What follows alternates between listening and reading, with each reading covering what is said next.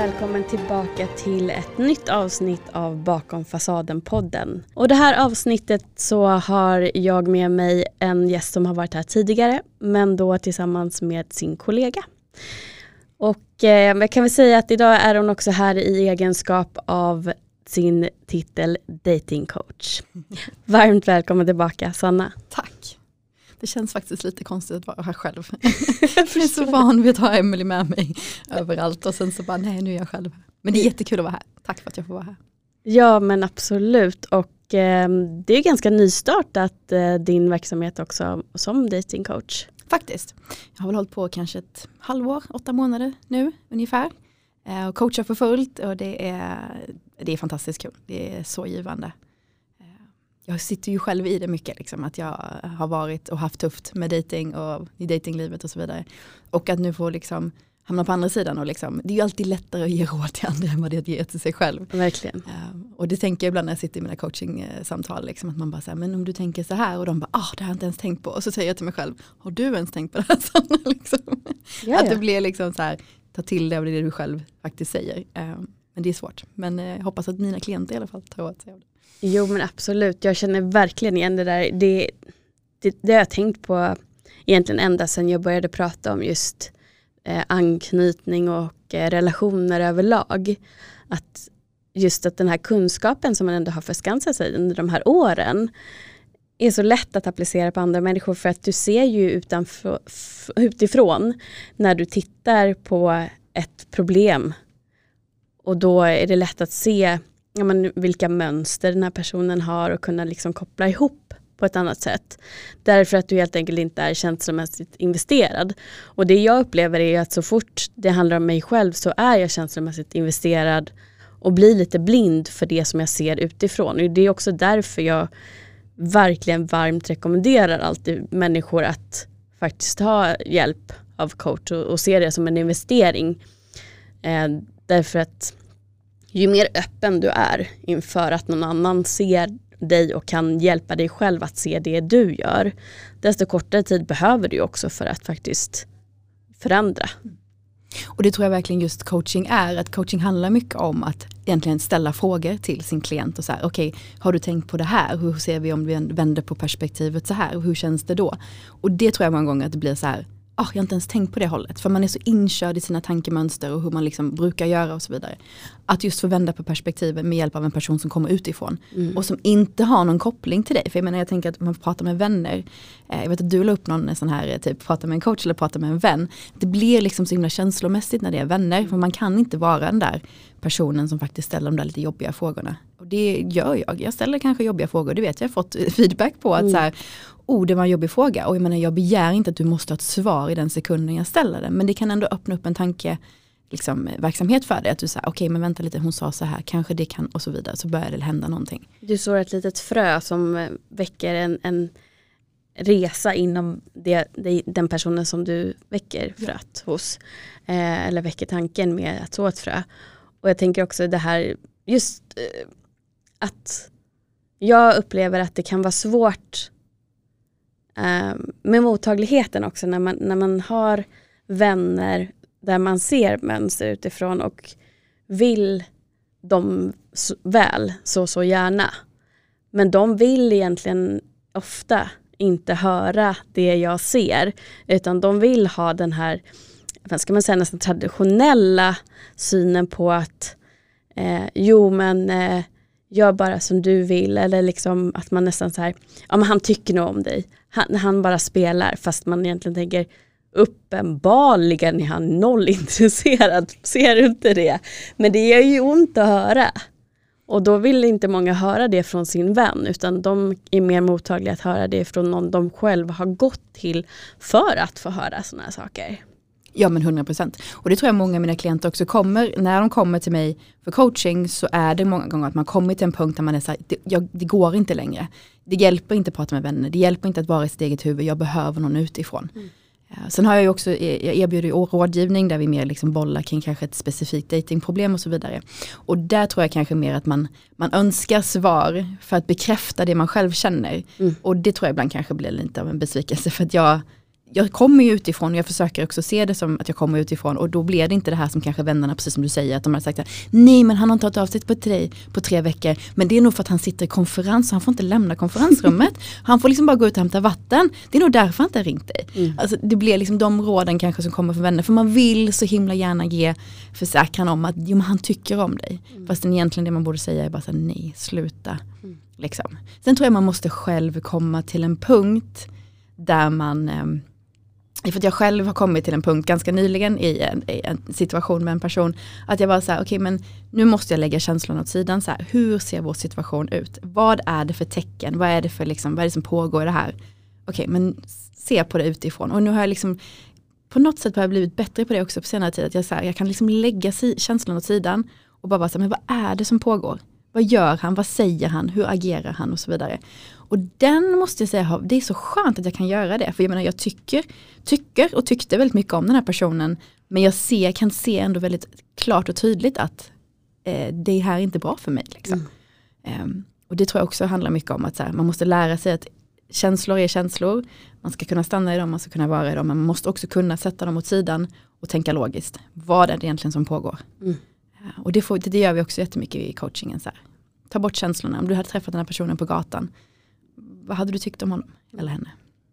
Exakt och där tycker jag också att det hjälper väldigt mycket. Jag vet inte vem det är, det är flera stycken inom liksom den här självhjälps och självutvecklingsvärlden vi lever i som har sagt det. Ehm, men just det här att är det här en person som du skulle vilja vara vän med? Hjälper väldigt ofta. För om jag tittar tillbaka till eh, den relationen jag hade med han som jag idag klassas som narcissist. Nej, jag skulle inte vilja vara vän med honom. Jag skulle inte vilja vara vän med någon som är så inkonsekvent och kommer och går och kan vara supergullig och säga jag kommer alltid finnas här för dig och sen visar handlingen att han absolut inte finns där när jag behöver honom till exempel.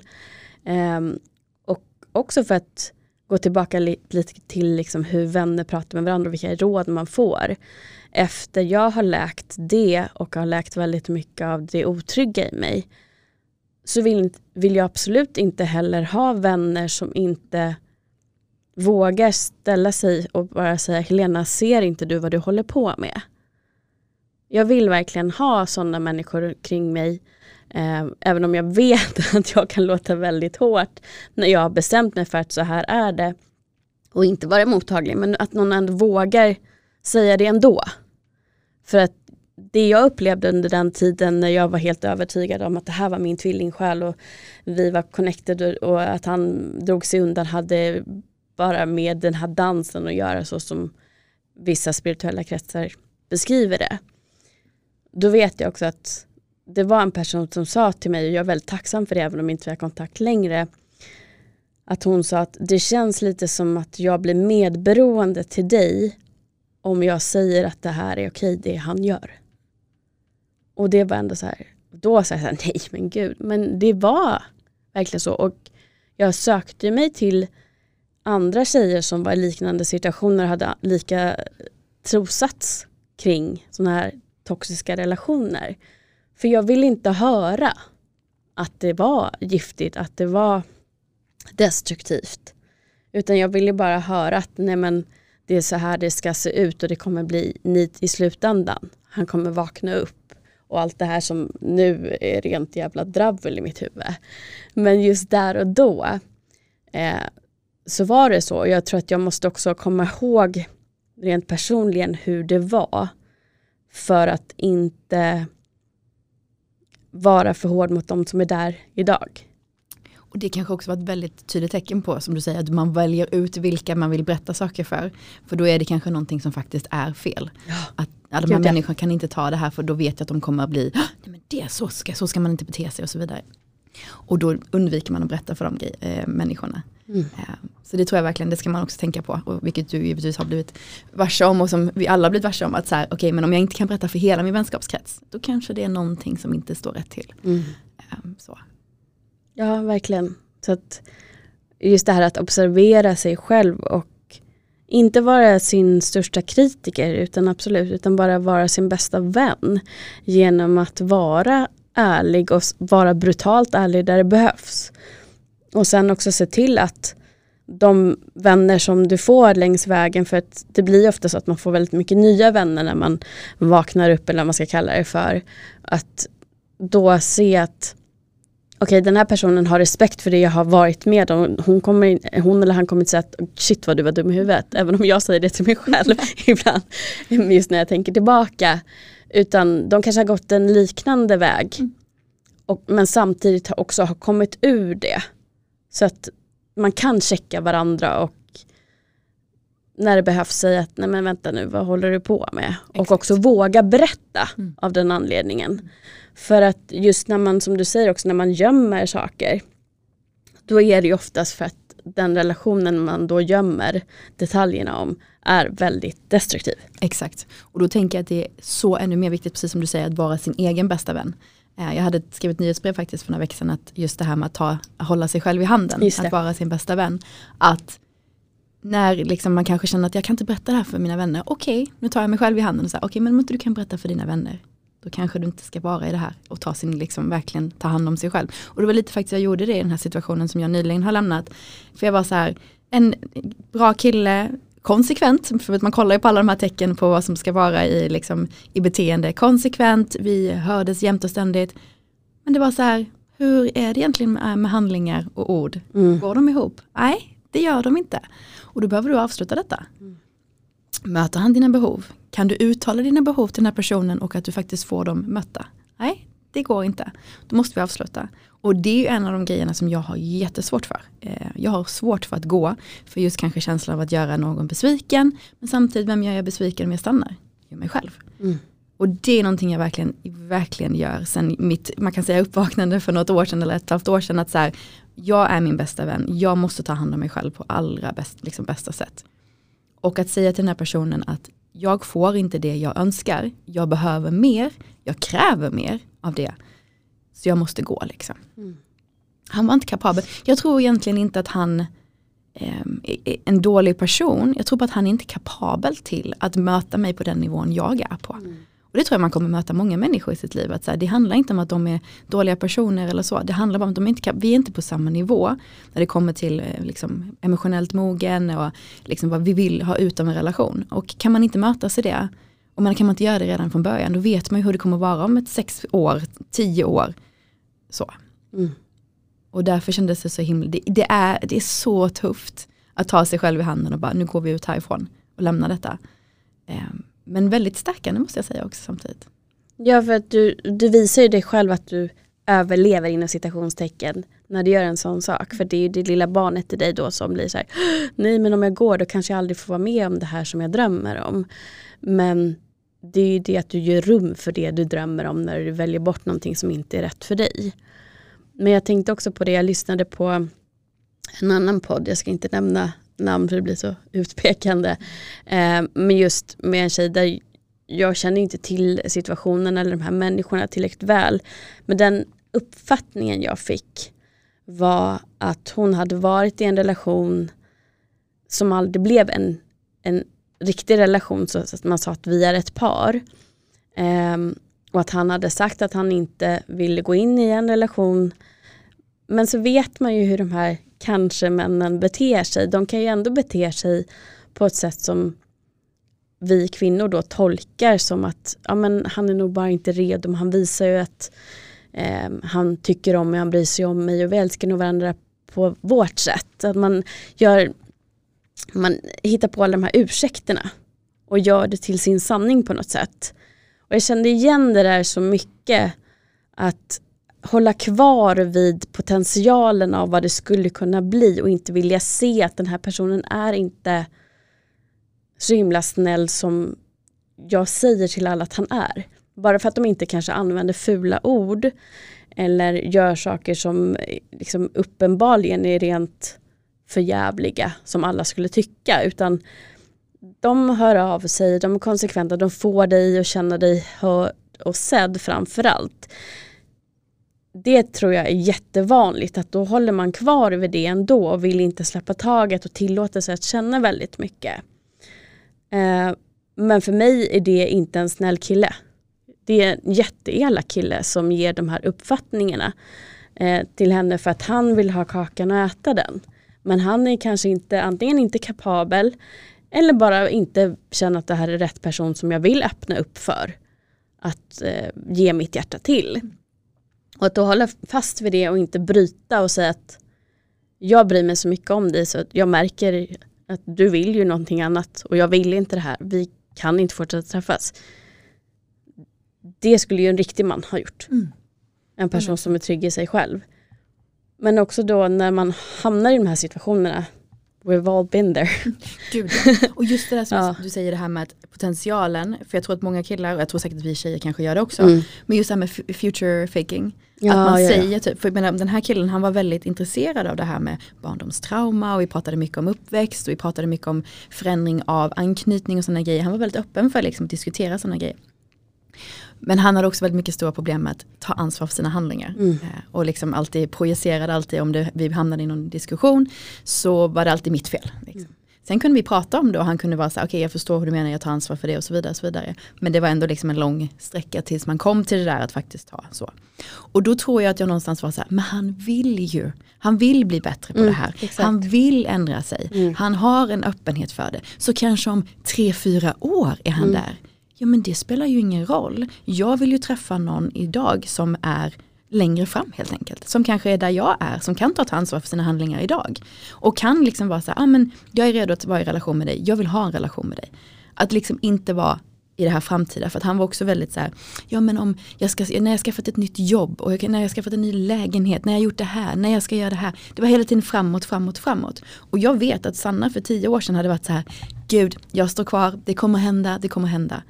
Men risken är att om man står kvar så är de tio år så står, står vi fortfarande där, där han ja. säger samma saker. Ja, och jag är inte redo att vänta. Liksom. Jag är 39 år gammal och det har jag sagt när jag, när jag liksom träffar folk nu att jag är inte ute efter någonting kortsiktigt utan ska vi träffas och mm. umgås så vill jag se att det finns någonting långsiktigt i det. Liksom.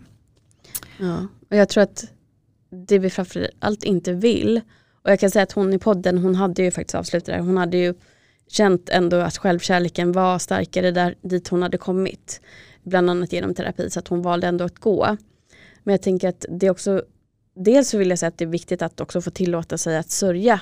För det är ändå en sorg att lämna någonting som man hade hoppats på. Det gråt tills tårarna tar slut. Älta med dina vänner tills du kommer fram till att det här var verkligen inte det jag ville ha. Um, men också att se det för vad det är. Mm. Tror jag är jätteviktigt att liksom kunna skilja det som du var lite inne på, där att kunna skilja för, från vad jag vill att det här ska vara till vad det faktiskt är. För annars hamnar man ju bara där igen. Exakt. Och ska jag vara brutalt ärlig så tror jag att vi hamnar där därför att vi innerst inne är livrädda för att gå in i någonting som potentiellt faktiskt blir bra och man känner av att den här personen är inte 100% tillgänglig.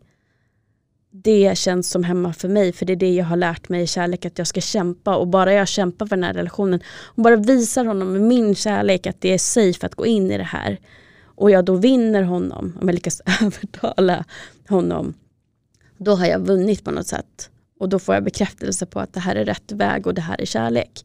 Vilket det inte är och det där funkar ju aldrig i längden. Och ja, nu tappar lite tråden men jag tänker så att Nej, men just det här med att vara sårbar. Att, att liksom fastna där. Mm.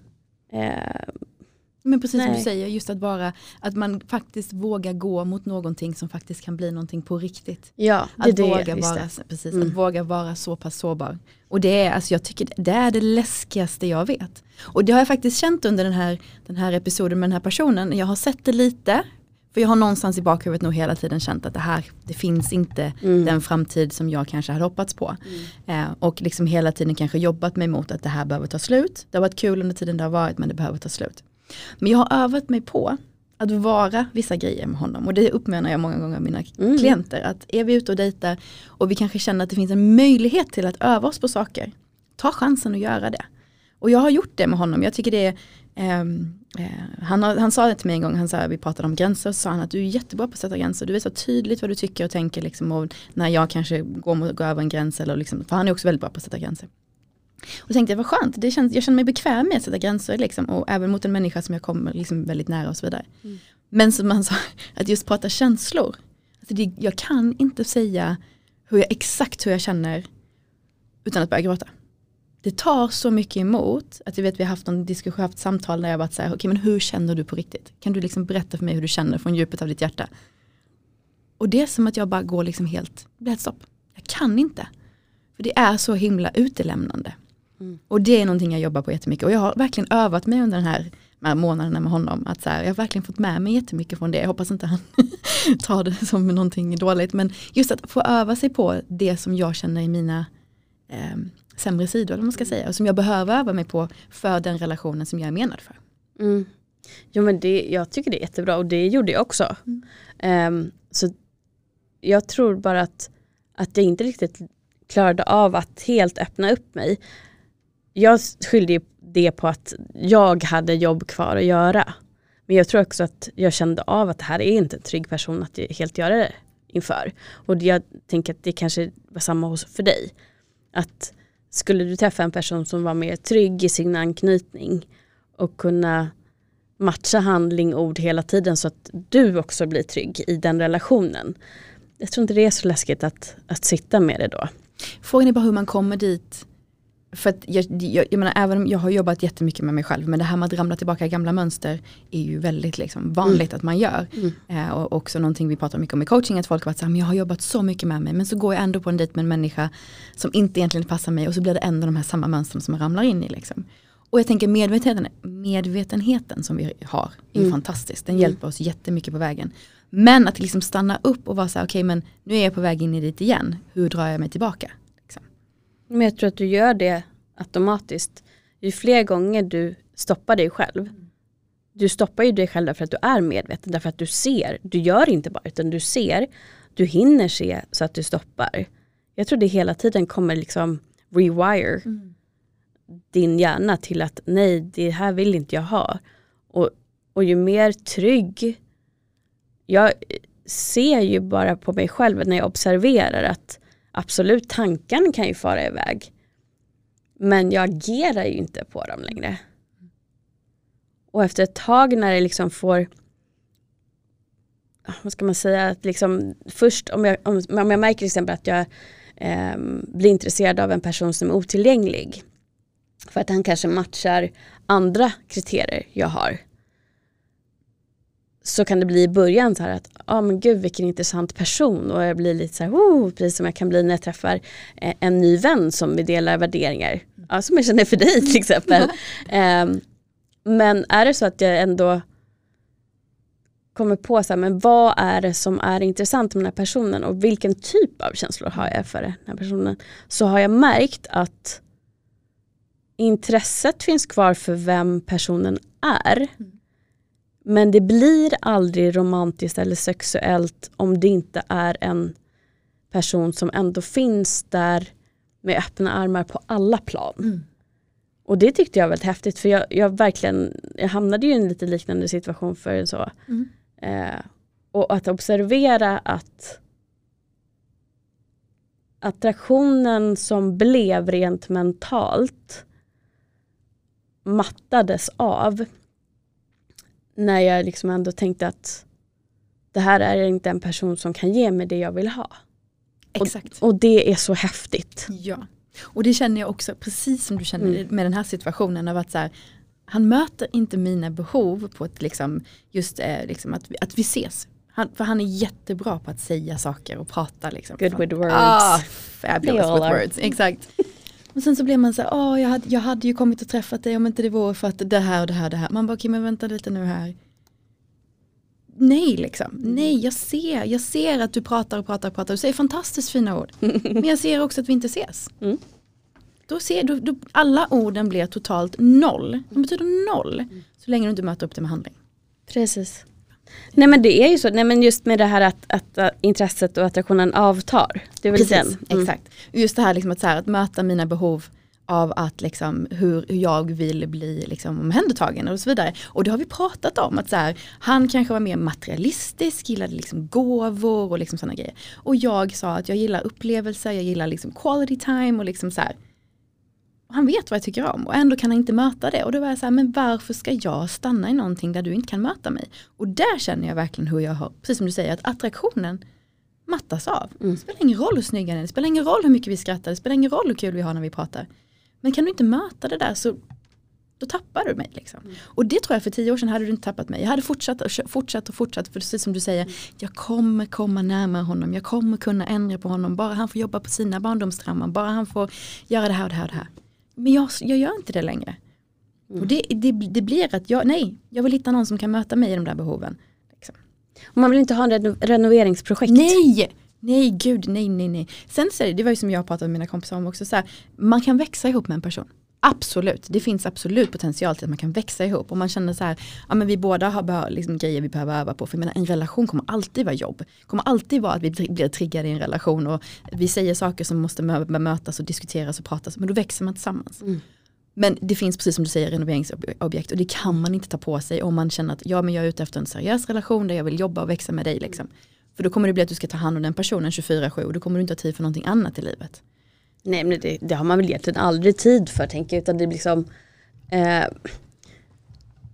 Ska vi vara liksom helt ärliga så, så tror jag att de fallen jag ser där det fungerar, där båda har otrygga anknytningar och ändå väljer att gå in i någonting, det är som med B och Theo i sådana fall. Mm. Att de sätter sig, skriver kontrakt, är väldigt medvetna om att det här behöver vi jobba på, vi behöver egna mentorer, vi behöver gå i terapi på varsitt håll också. Och hela tiden att båda är investerade i sig själva och sin egen läkning och utveckling, då kan det gå. För då sitter inte det på dina axlar att han ska läka sin anknytning. Utan det sitter på hans axlar. Det enda som är på dina axlar är att läka din. Exakt. Och det, det går ju, det finns men det, Precis. Inte många. Och det tror jag också, om jag nu får generalisera lite kring ja. män och kvinnor, så är det oftast att kvinnor kanske jobbar mer på eh, sin utveckling liksom i större eh, utsträckning. Och jag tror för min del blir det så här nu när jag jobbar med det här och liksom är väldigt intresserad av det och läser på mycket och har kunskap och så vidare.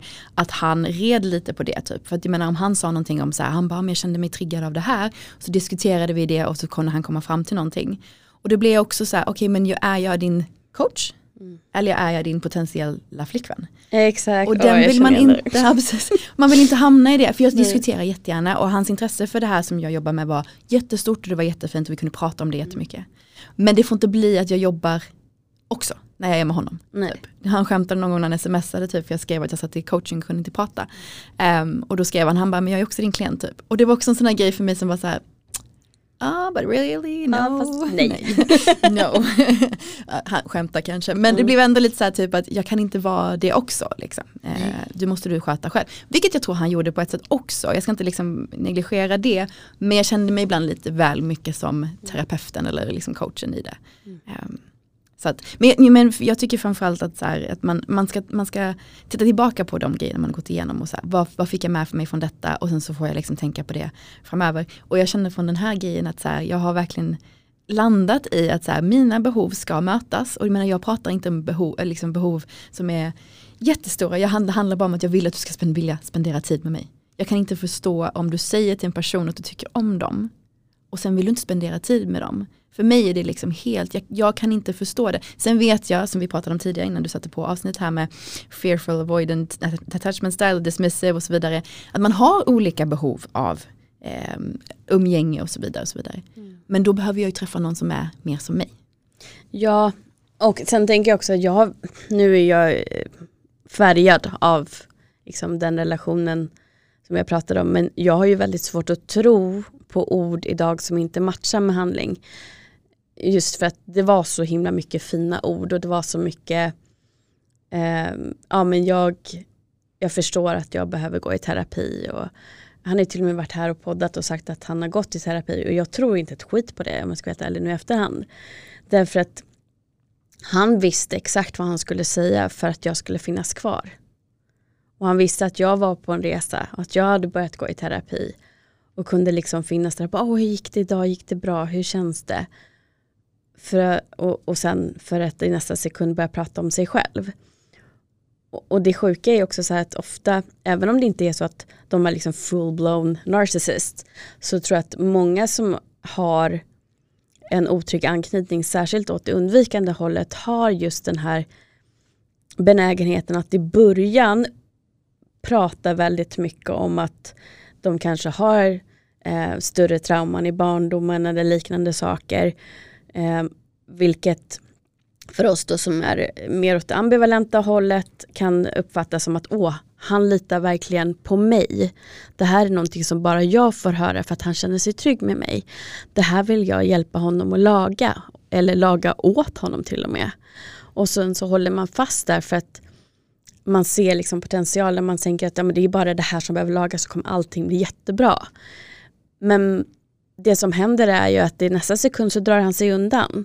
För att han klarar inte av det här närheten. För att den undvikande har ju inte lärt sig att närhet är tryggt överhuvudtaget. Utan drar sig undan och förs kanske försvinner helt och inte hör av sig. För att sen komma tillbaka med en rörande historia om att han kände sig eh, så liten och sårbar behövde vara för sig själv. Och så blir det liksom en konstant loop av att, för det skapar ju eh, liksom väldigt mycket ångest i den ambivalenta som inte klarar av att vara ifrån istället. Så det blir liksom den här katt och råtta leken som blir toxisk och giftig oavsett om det har narcissistiska drag med i bilden eller inte. Så det vill vi ändå undvika. Utan istället jobba på oss själva så mycket så att vi är fortfarande trygga och, och blir inte ångestfyllda av att en person drar men däremot tappar intresset. Mm. Och det där tycker jag är så himla spännande just det du berättade, just att när den typen av anknytning blir liksom överväldigad och de försvinner. Vi har haft den här typen av dragkramp på andra, jag den här killen. Att jag liksom, eh, och därför tror jag ibland att, också att jag går åt undvikande hållet. För att jag är inte en person som jagar efter någon som försvinner. Utan jag drar mig också undan då. Mm. Eh, så har vi haft en diskussion där han har blivit så här, liksom, som han beskriver det, emotionally overwhelmed och han stänger ner. Liksom. Stänger ner och bara försvinner för han måste gå in i sig själv. Eh, och sen har jag gått in i mig själv på, på, andra hållet och liksom inte jagat efter honom. Vilket han är van vid att folk gör. Så blir det också så här, han bara, jag försvinner och då försvinner du också. Och då blir det helt, helt plötsligt dött mellan oss och så har det blivit den här dragkampen och så vidare. Och, så vidare. och vi har pratat om detta för jag har varit så här, jag förstår att du behöver tid för dig själv. Du får gärna ta tid för dig själv. Men kommunicera, mm. och där kommer vi till det här med kommunikation. Mm. Hur viktigt det kan vara. Och det har varit en springande punkt också mellan oss. Att så här, jag har varit så här, snälla informera mig. Om du känner på ett visst sätt att jag är trött idag, för vi har haft ganska stadig kommunikation under dagen liksom, som har varit. Om vi har varit ett samtal eller sms. Så de dagarna när man då inte hörs av alls, då blir det ju det här ni vet, man bara, vänta vad händer nu? Varför hörs vi inte? Mm. Och då har jag från mitt håll varit så här, idag sitter jag i möte mm. fram till fem, jag ringer det efteråt. Typ. Mm. Och var så här, kan du snälla göra tillbaka? Han var inte kapabel till det för han förstod, han, han kan inte kommunicera på det sättet. Och det var ju ett behov återigen från min sida att så här, snälla möt mig i det här behovet så behöver jag inte tänka på att du har blivit påkörd av en bil eller som ni vet man kan dra iväg i sina tankar. Och också många gånger som vi pratar mycket om i coachingen att när man har ambivalent otrygg anknytning att man gärna gör allting om sig själv. Mm. För det är ju oftast det som är att det är ju oftast inte, det handlar inte om mig. Det handlar inte om den personen som man går ifrån. Om vi säger att han hade inte hört av sig till mig på en dag så är det ju lätt att man bara, okej okay, han vill inte prata med mig längre, det är slut, han tycker att jag sa någonting jättekonstigt igår i konversationen, nej nu, nu, nu, nu försvinner jag typ. Oftast är det ju bara kanske att han sitter just i möte eller han kanske har träffat en kompis han vill umgås med eller vad som helst. Men då menar jag på att just det här med kommunikationen, att om man meddelar innan, vet du vad, jag kommer sitta i möte hela dagen idag, jag, vi hörs ikväll finns liksom ingenting att oroa sig för. För menar, vi, han vet ju att jag har mina issues, jag vet att han har sina issues. Hade vi kunnat mötas mycket mer i det här med kommunikationen så tror jag att vi hade kunnat, jag vet inte om det hade blivit någonting ändå, men det hade i alla fall gett oss någonting bättre under de här månaderna som vi har umgåtts. Mm. Men han kunde liksom inte göra det trots att jag på liksom flera gånger var så här, snälla, bara meddela mig typ. Mm. Jag vet det var faktiskt några, för det, det, var nu precis innan vi det här avslutades faktiskt som jag blev så här, nej fast nu räcker det. Det var liksom så här, vi hördes vet, varje dag, varje dag, allting var guld och gröna skogar. Och sen helt plötsligt bara försvinner han. Två dagar i rad så här, han liksom hördes, vi hördes men inte liksom alls som vanligt. Frågar jag så här, är det någonting som har hänt som gör att någonting har förändrats? Liksom? För jag med min otrygga anknytning som kickar in ibland blir ju medveten om att någonting förändras. Liksom. Och då var han så här, nej jag har bara haft mycket på jobbet. Okej, okay. men om du, har, om du har haft mycket på jobbet så kan man ju säga det kanske innan. Eller är det någonting annat liksom och så vidare. Och då var jag så här, jag vill inte ha det så här. Jag vill möta någon som när jag säger till honom, det här behöver jag, att han bara, älskling, självklart. Mm. Jag ska göra mitt bästa för att möta det där. Mm. Typ. Precis som att, om, för att han har uttryckt saker till mig, att han har behövt liksom, eh, eftersom han är väldigt bra med sina ord, så har han varit till mig att han vill att jag ska liksom, säga mer saker till honom också.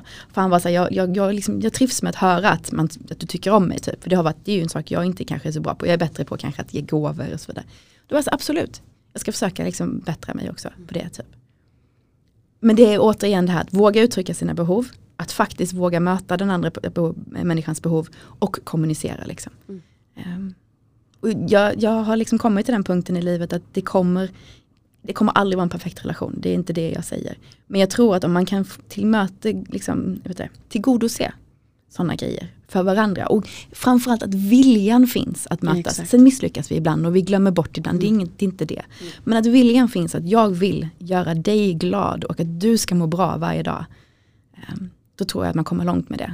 Uh, och det kände jag med den här personen att min vilja fanns att göra det för honom. Men han och då vill jag återigen säga att jag tror inte han var kapabel. För där han är i sin utveckling och i sitt liv så tror jag att han har för mycket issues med sig själv. Mm. Och det kan jag inte stanna kvar och hjälpa honom med. Nej, det ska du inte göra heller. Så det är jätteklokt och verkligen så här ett kvitto på din egen utveckling, tänker jag. Men jag känner igen det också att, att uttrycka ett behov för att man har också en vilja att bli mött så att det blir tryggare och behovet blir faktiskt mindre av att konsekvent kunna se att nej men han tar sig tiden för han vet att det här är viktigt för mig att slänga iväg ett sms om det kommer upp någonting som gör att han inte är tillgänglig när han egentligen skulle ha varit tillgänglig eller sådana saker. Och Det är ju en enkel grej. Sen vet jag att just när man uttrycker ett behov som är någonting sårbart till en person som råkar ha narcissistiska drag, då använder ju de det just för att såra dig och skada dig istället. Så att just i mitt fall när jag tyckte att nu ska jag öva på att uttrycka mina behov, eh, det var ju verkligen inte rätt person kanske att öva på. Men jag tänker att Hur gjorde han då? Eh, nej men han kunde ju säga att det är självklart att han ska höra av sig när han känner att han behöver dra sig undan. För han kunde ju säga att det kom mörka eller svarta perioder. Mm. När han behövde dra sig undan för han mådde dåligt. Och vi kom överens om att han skulle då bara säga att nu känner jag så här, jag kommer dra mig undan. Så skulle jag bara, ja okej, gör det. Se till om du behöver något ungefär. Mm. Eh, men då gjorde han ju mer, vad jag tror, medvetet att inte höra av sig då på, det kunde vara två veckor ibland. Så pass. Och då fick jag extrem ångest och mådde piss. Mm. Eh, Såklart. Ja, och sen då när han kände för att få bekräftelse och så här, då kunde, vi liksom, kunde han höra av sig för han visste att då bokade jag allt för att bara rusa dit för att stilla min egen oro inuti kroppen som var där inne och rev. Och då berättade jag det här för honom att jag har mått jättedåligt för jag har inte vetat någonting vad du gör och då skapar jag egna scenarion i mitt huvud som gör att du har egentligen gått och gift dig med någon annan och, och jag betyder ingenting.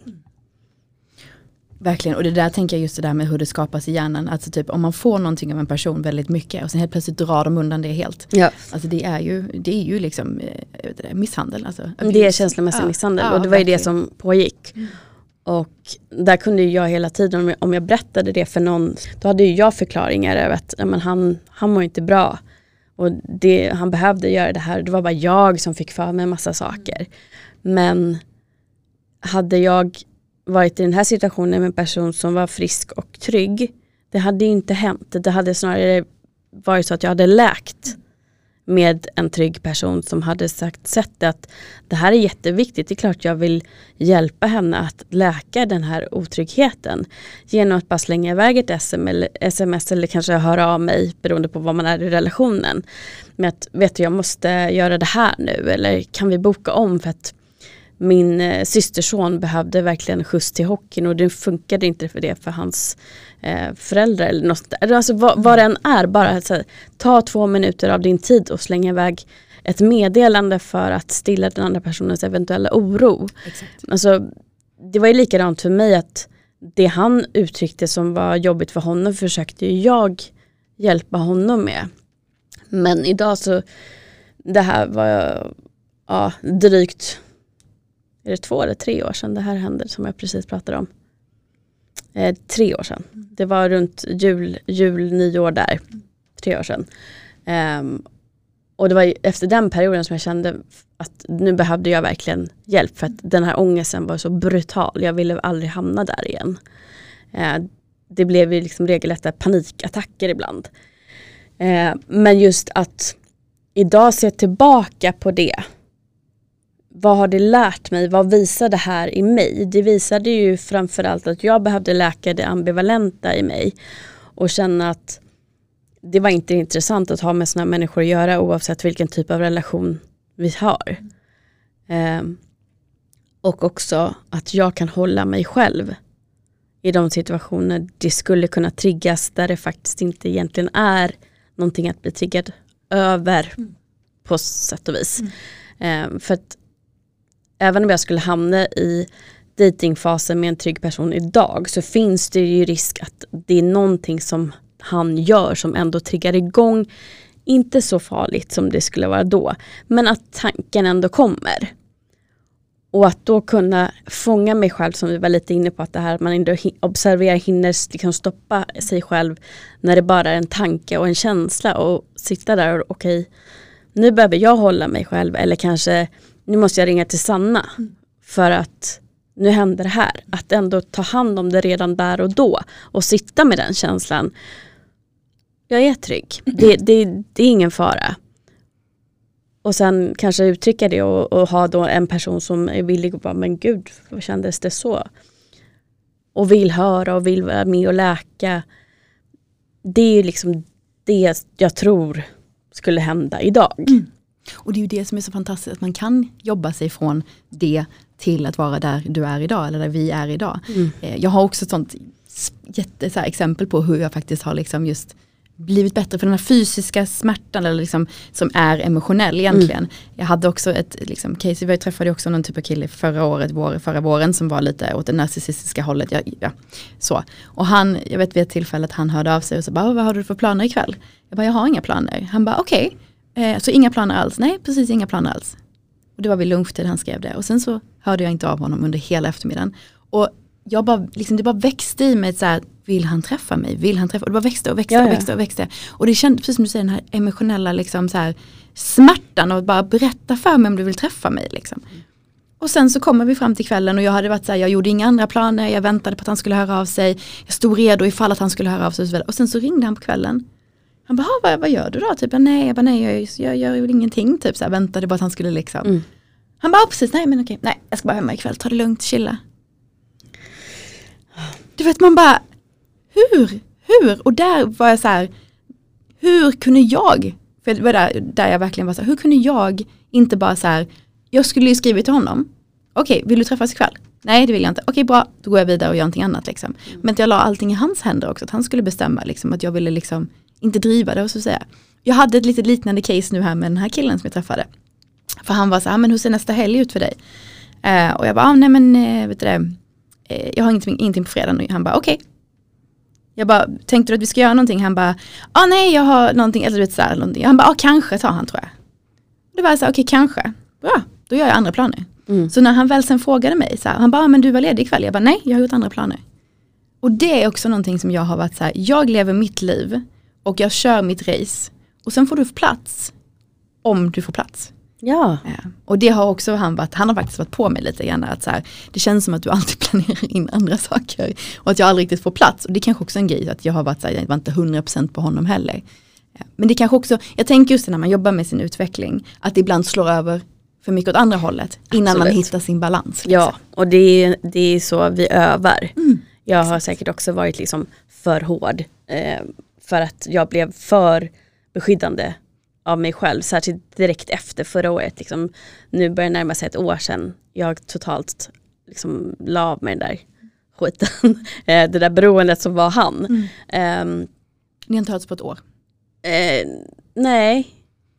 Ja, han grattade liksom till podden när den fyllde år. Mm. Och sen så började vi prata och då, var jag, då hade vi redan haft ett uppehåll liksom i kommunikationen och då sa jag att eh, nej men eh, liksom, det är inte intressant att upprätthålla det här eh, om inte det är så att du kan stå för det. Jag har gjort det i runda slängar. Eh, var på, det blev den här, nej men jag har alltid velat väl. Om det är någonting som du har uppfattat så, så har inte jag gjort det med mening. Utan liksom, jag kommer aldrig säga eller göra någonting för att skada dig. Han liksom hade gjort det i två år. Mm. Um, så att det började redan där men sen så vill jag ändå på något sätt ge honom en sista chans att liksom sitta öga mot öga och kunna prata om det här. Det här gjorde mig väldigt illa. Eh, vad att säga om det? Och det lovade han mig att göra. Men det är liksom, när det hade tagit två och en halv månad och fortfarande liksom hade bara avbokat, bokat, avbokat.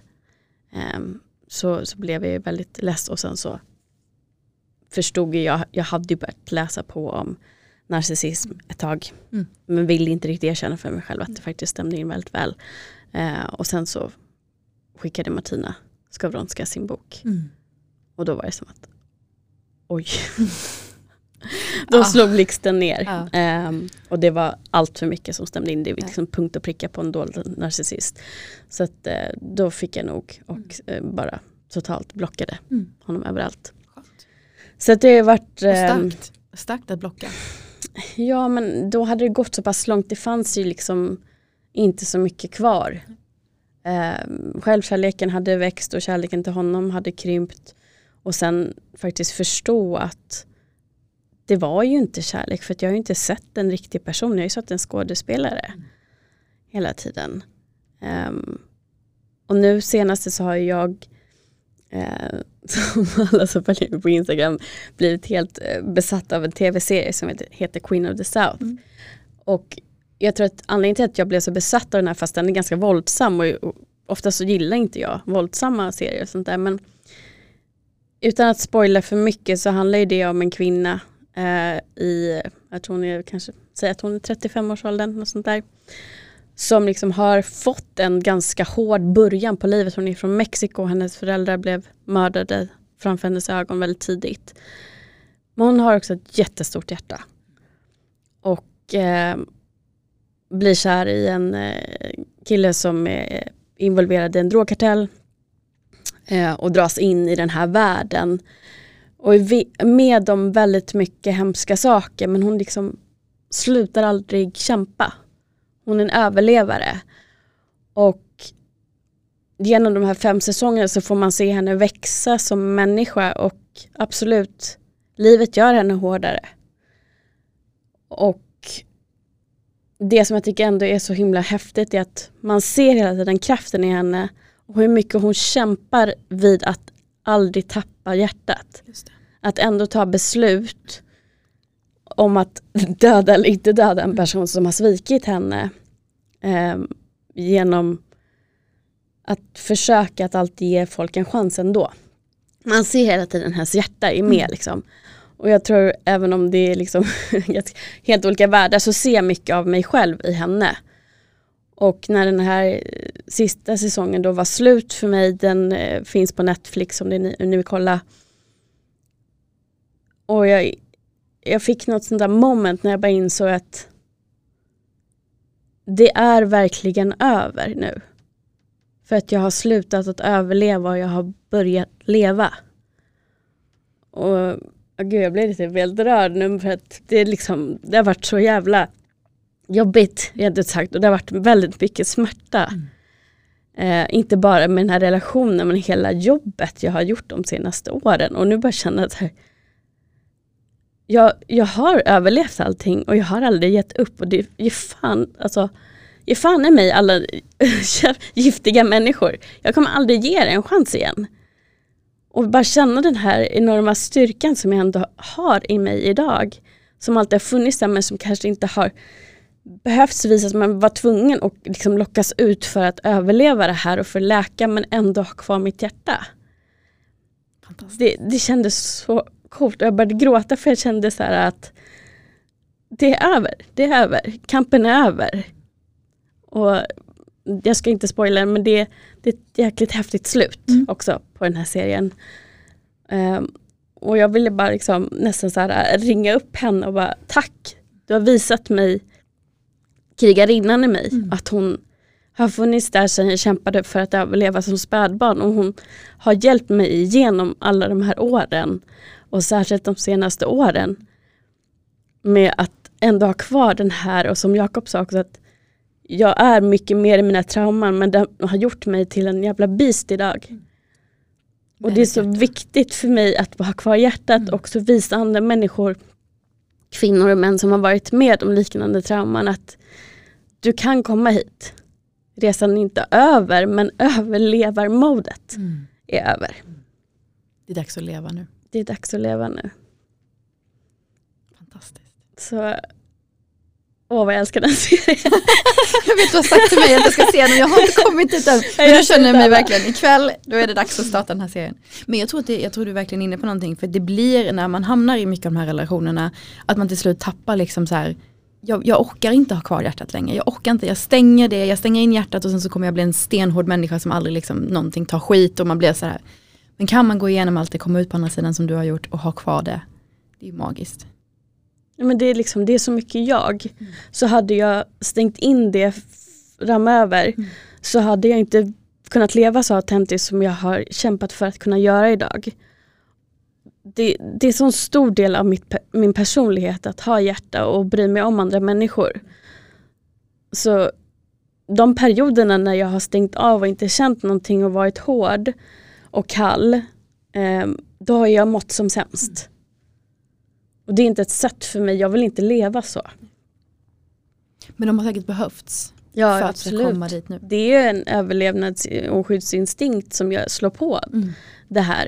Eh, men jag vet att hon, hon säger också i serien hela tiden, eh, jag vill inte fly mer. Jag, vill, jag är trött på att fly. För hon måste hela tiden fly från människor som vill döda henne på olika sätt. Och det är lite så jag har känt. Så att, Nej, jag vill kunna känna att jag är trygg där jag är idag. Jag vill inte känna att jag hela tiden måste passa på om eh, en person vill mig väl eller vill mig illa. Jag, jag vill kunna liksom lita på att min intuition kommer tala om det för mig. Det räcker det. Och bara lita på sig själv och sitt omdöme igen efter att ha varit i en relation med en narcissist. Det är jättesvårt. Mm. Gud ja. För det är ju någonting man tar med sig så fort de börjar säga någon komplimang och de är väldigt liksom på i början så direkt så stannar man ju upp och är så här, vänta lite nu här, det här påminner, påminner jag, liksom, det påminner om någonting. Mm.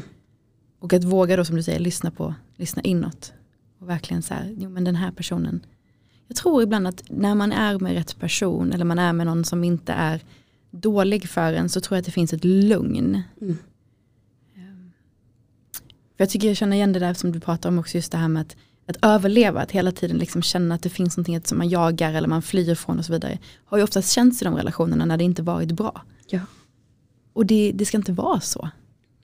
Jag tänker så mycket också på det här med, det här med avslut, för att som det har varit så svårt för mig ibland. Så har jag och Emily min singelpodden kollega, så brukar vi säga typ så här, ah, men när vi sitter där på ålderdomshemmet med våra liksom guldiga rollatorer och liksom sådär tröjor med upptryckt singelpodden för vi ska komma ihåg att vi hade en podd när vi var yngre. Yeah. Så bara, kommer vi komma ihåg den här människan och liksom har den människan gjort någon bra impact på oss? Nej det gjorde de inte, okej men då måste vi avsluta nu. Vi låter inte det fortgå för länge. Och så vidare, att komma till den punkten att så här, men kommer jag komma ihåg, ska den här vara liksom en, en, del av mitt liv som faktiskt tog en stor del av mitt liv. Exakt. Jag menar han fick, vad fick han, två, två tre år, av, ja, två år av ditt liv. Han fick två år, det var, det var, det var, han skulle inte ha fått de två åren men det var det som behövdes för att du skulle komma dit du är idag. Ja. Jag tror allting vi går igenom är för att vi ska komma dit vi är mm. idag. 100 procent, verkligen. Jag tror att det, det kommer vara jätteprovocerande men jag kommer upprepa att jag vill inte vara utan någonting jag har varit med om. Därför att annars hade inte jag kunnat sitta här och vara så jävla stolt över mig själv heller att jag har överlevt. Men jag hade inte heller haft samma ödmjukhet inför andra personers historier. Ehm, och absolut, den hårda personen i mig kan stänga av och stänga ner fortfarande. Um, och jag har ju i grunden fått genom trauman då en, en desorganiserad anknytning. Uh, fearful som vi också kallade på engelska. Mm. Och det gör ju att, precis som du förklarade lite grann hur du kunde dra dig undan när någon annan drar, drar sig undan. Jag gör ju likadant. Mm. jag springer inte heller efter folk utan då tycker jag då har du visat mig vem du är. Du, jag vill inte ha med dig att göra och kan bli lite för hård ibland. Eh, där måste jag passa på mig själv. Eh, men det har ju att göra med att jag vill skydda mig från att vara den personen som får extrem ångest av att någon drar sig undan. Men det jag kan göra är att inte skapa relationer med personer som har en, en, benägenhet att behöva dra sig undan på det sättet. Ska jag säga. Inte bara, det är klart alla ska få ha space. Mm. Men jag känner också att jag har inga problem med att man inte hörs varje dag eller eh, ja, varje vecka med vissa relationer eller liksom ens nära relationer idag därför att jag behöver mer space själv och jag tycker att det blir inte otryggt. För jag vet, jag har liksom analyserat de personerna som jag har i mitt liv tillräckligt för att jag har kunnat sätta en stämpel på att det här är tryggt. Mm. Jag vet att eh, till exempel att du har jättemycket att göra, om vi tar några, så jag kan prata för någon som ändå är i rummet, mm. eh, att du har väldigt mycket att göra med, med coachningen och du har barn på halvtid och sådana saker. Jag kan uttrycka att jag längtar efter våra samtal mm. och sådana där saker, men jag blir inte otrygg för att vi inte ses. Utan det känns bara ännu härligare sen när vi väl mm. träffas. Mm. att det är också en, någonting som jag vill att alla tar med sig som lyssnar som kanske känner att de är precis i början av sin läkningsresa eller kanske precis har kommit på vad anknytning ens är. Mm. Um, men jag inser att vi måste prata mer om det ännu mer. Det finns ju avsnitt, det finns en serie i en tidigare säsong där vi bryter ner lite grann vad, hur ser de olika anknytningarna ut och så vidare. Men jag kommer prata med ännu mer mm. framöver. För att jag tror ändå att det är så stor nyckel till mm. läkning. Hur, hur, känner du där? Jag tänker framförallt det här med tid. Just att när man träffar en ny person, jag menar om jag jämför med de människorna jag har i mitt liv så känner mm. jag som så här, jag känner mig trygg. Jag vet till exempel att om jag skriver till dig så vet jag att du alltid kommer svara mig. Jag vet att vi alltid kommer hitta tid att liksom umgås. Eller som med Emelie, jag vet att hon har ett visst sätt att kommunicera på. Så jag har ju lärt mig det under de här åren med henne. Att jag vet att hon, hon kan vara en person, att jag skriver till henne på morgonen så svarar inte hon för, på, på sent på kvällen för att hon har suttit i möten hela dagen. Mm. Då vet jag det, jag känner henne, jag vet att hon liksom har den typen av kommunikation. Men när vi lär känna en ny person så vet man inte det.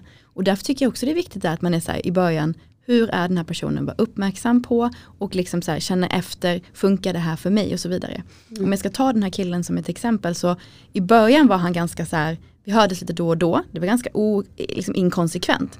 Men ju mer liksom, vi lärde känna varandra och ju mer vi verkade, liksom, vi, det märktes att vi tyckte om varandra, desto konsekventare blev det. Och då blev jag ju också trygg i att oavsett vad som hände, oavsett om vi var irriterade på varandra, vi var upptagna, så hördes vi alltid av. Liksom. Det blev mer konsekvent. Sen så blev det ju här mot slutet att det började liksom förändras igen. Och då blev jag så här, då kanske det var så att han lyckades hålla upp en fasad ett tag. Men sen så gick han tillbaka till sitt riktiga jag eller vad man ska säga. Det är en annan mm. historia. Men just att låta det ta lite tid också. Mm. För att folk kan vara så nej men han har inte av sig, det har gått fyra dagar liksom. Mm. Okej men fyra dagar, det kan ju vara, man är ju olika sans i livet också. Så att ge det lite tid och det här återigen med kommunikation, fråga. Jag menar den här killen som jag pratar om, jag sa ju ganska tidigt liksom så här, hur kommunicerar du? Hur är du med dina vänner? Hur, liksom, hur, hur sköter du din kommunikation med folk? Mm. Och då var han så men jag kan höra av mig men sen kanske inte jag svarar på några timmar eller tio timmar eller vad som helst som jag inte känner för det typ. Och då var jag så här, okej okay, det är ju sånt tycker jag är jättejobbigt. Här. Och så här, skulle du kunna möta mig i det här? Och så, ja, men du vet, mycket sånt. Um, jag tror det, det visar ju också på hur emotionellt mogen personerna är. Ja, gud, ja. Om man kan möta det. Mm. Och också om man vågar. Eh, och jag vågade med honom. Jag, jag vågade rätt mycket med honom. Eh, kanske inte allt men en del. Liksom. Och så tänker jag att nästa person som jag förhoppningsvis träffar så kanske jag vågar det igen och att han då bara självklart, liksom, jag möter mm. dig där. Förmodligen.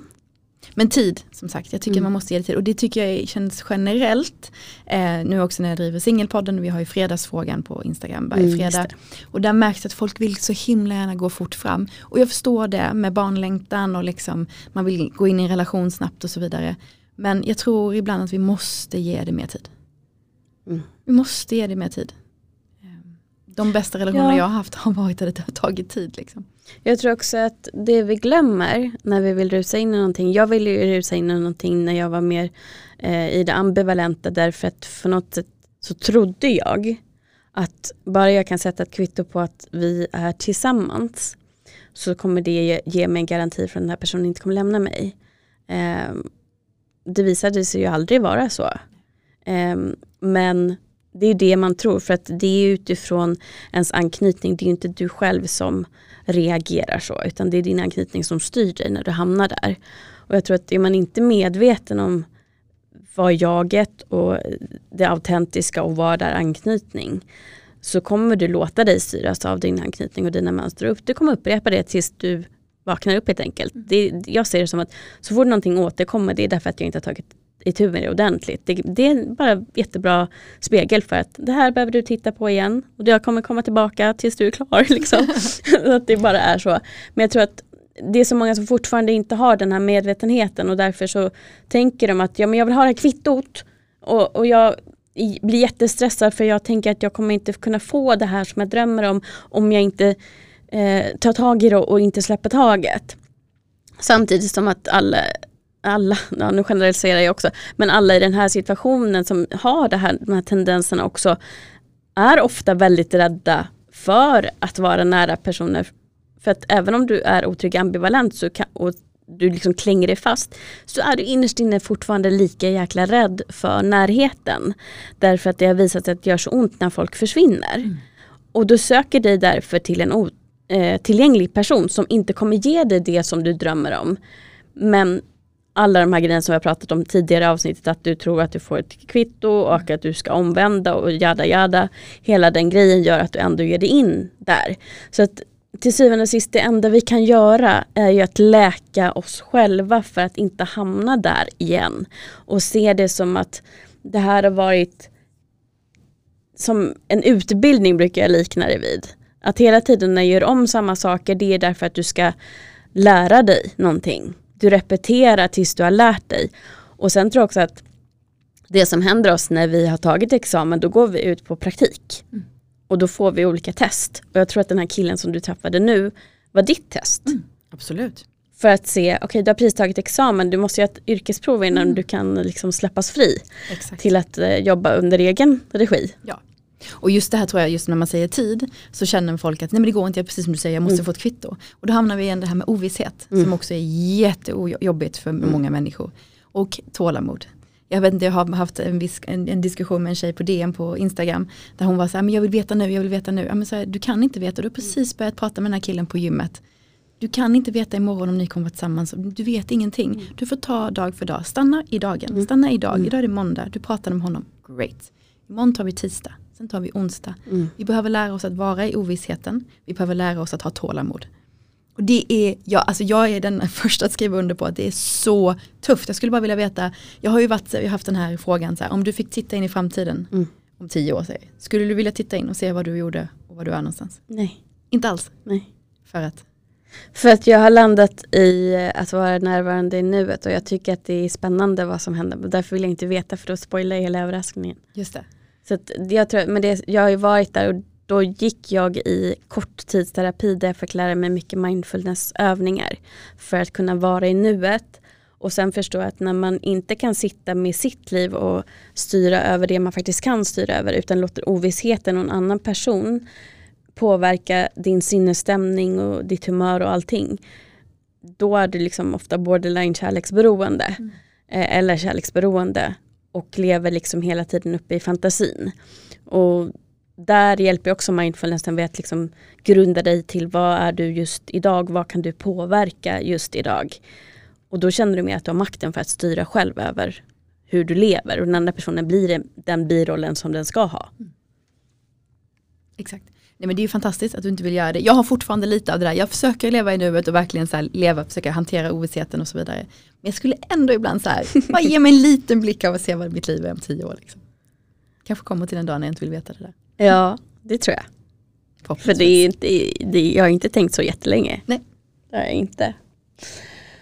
Om, om vi skulle avslutningsvis bara, om du skulle svara på frågan, vad har du som de tre största lärdomarna med det jobbet du har gjort de senaste ett och ett halvt åren?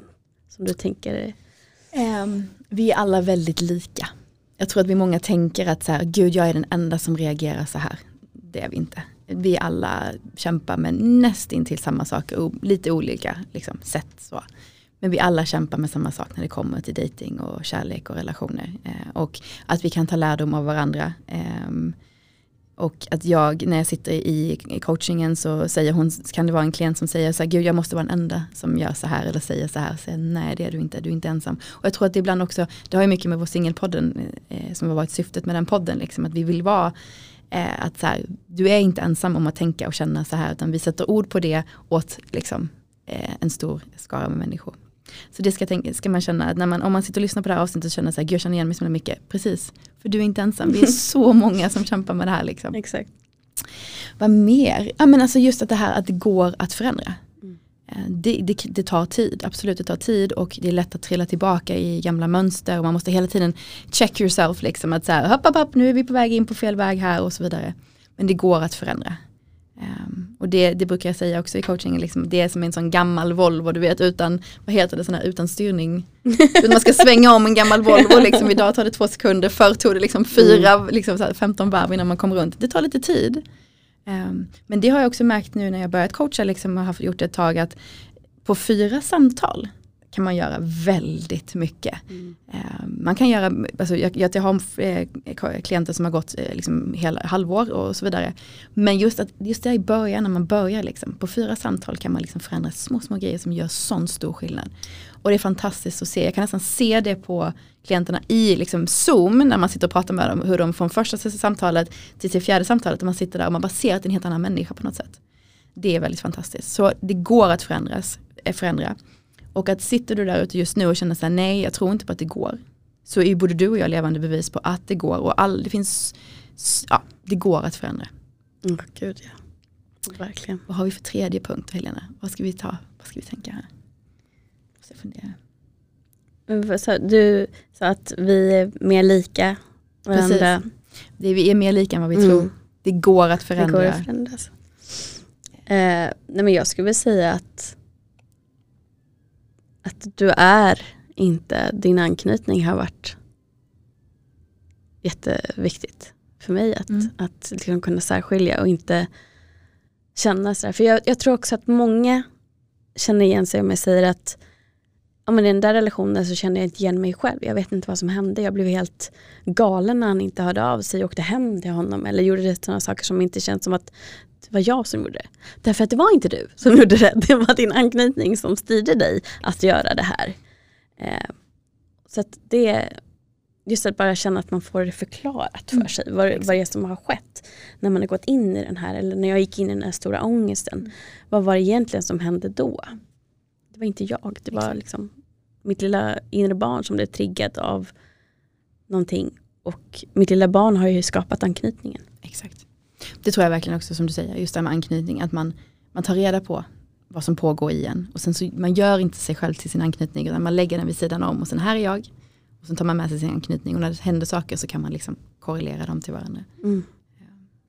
Bra sagt. Bra sagt av dig. tack så mycket för de lärdomarna och eh, tack för ett jättefint samtal. Tack själv, jättekul att vara här.